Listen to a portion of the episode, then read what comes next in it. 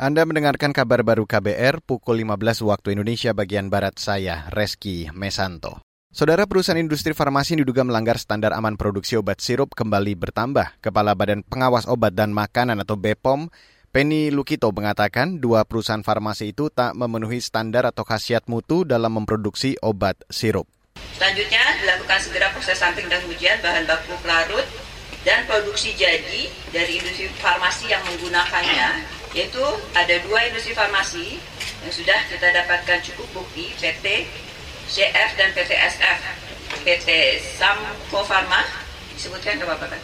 PT Samko Pharma dan PT Shubros Pharma Berdasarkan hasil pengujian terhadap bahan baku dan produk jadi PT Cibro Pharma dan PT Samko Pharma, Kepala Bepom Penny Lukito menuturkan terdapat cemaran etilen glikol atau EG dan dietilen glikol atau DEG dalam bahan pelarut obat dua farmasi tersebut. Kata dia, produk obat sirup dua industri itu melebihi ambang batas aman. Produk obat sirup dari kedua industri farmasi itu telah ditarik dari peredaran dan dimusnahkan. Sebelumnya, Bepom juga merilis dua perusahaan farmasi yang diduga menggunakan bahan EG dan DEG, yakni PT Yarindo Farmatama Serang Banten dan PT Universal Pharmaceutical Industries Medan. Beralih ke berita selanjutnya, Saudara. Wakil Ketua Umum Asosiasi Perstekstilan Indonesia atau API, Anne Patricia Sutanto, menyinggung soal jual beli baju bekas atau thrifting impor yang harus ditindak tegas.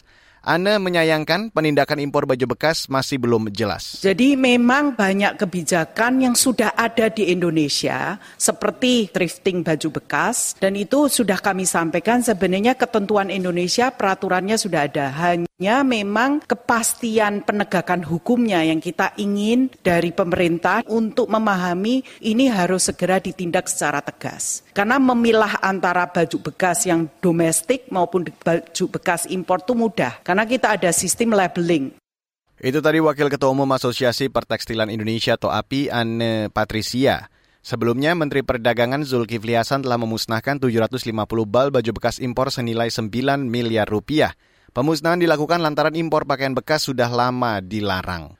Saudara Kementerian Keuangan meminta kelebihan anggaran tunjangan profesi guru atau TPG di era Anies Baswedan menjabat Menteri Pendidikan dan Kebudayaan tidak diperdebatkan lagi.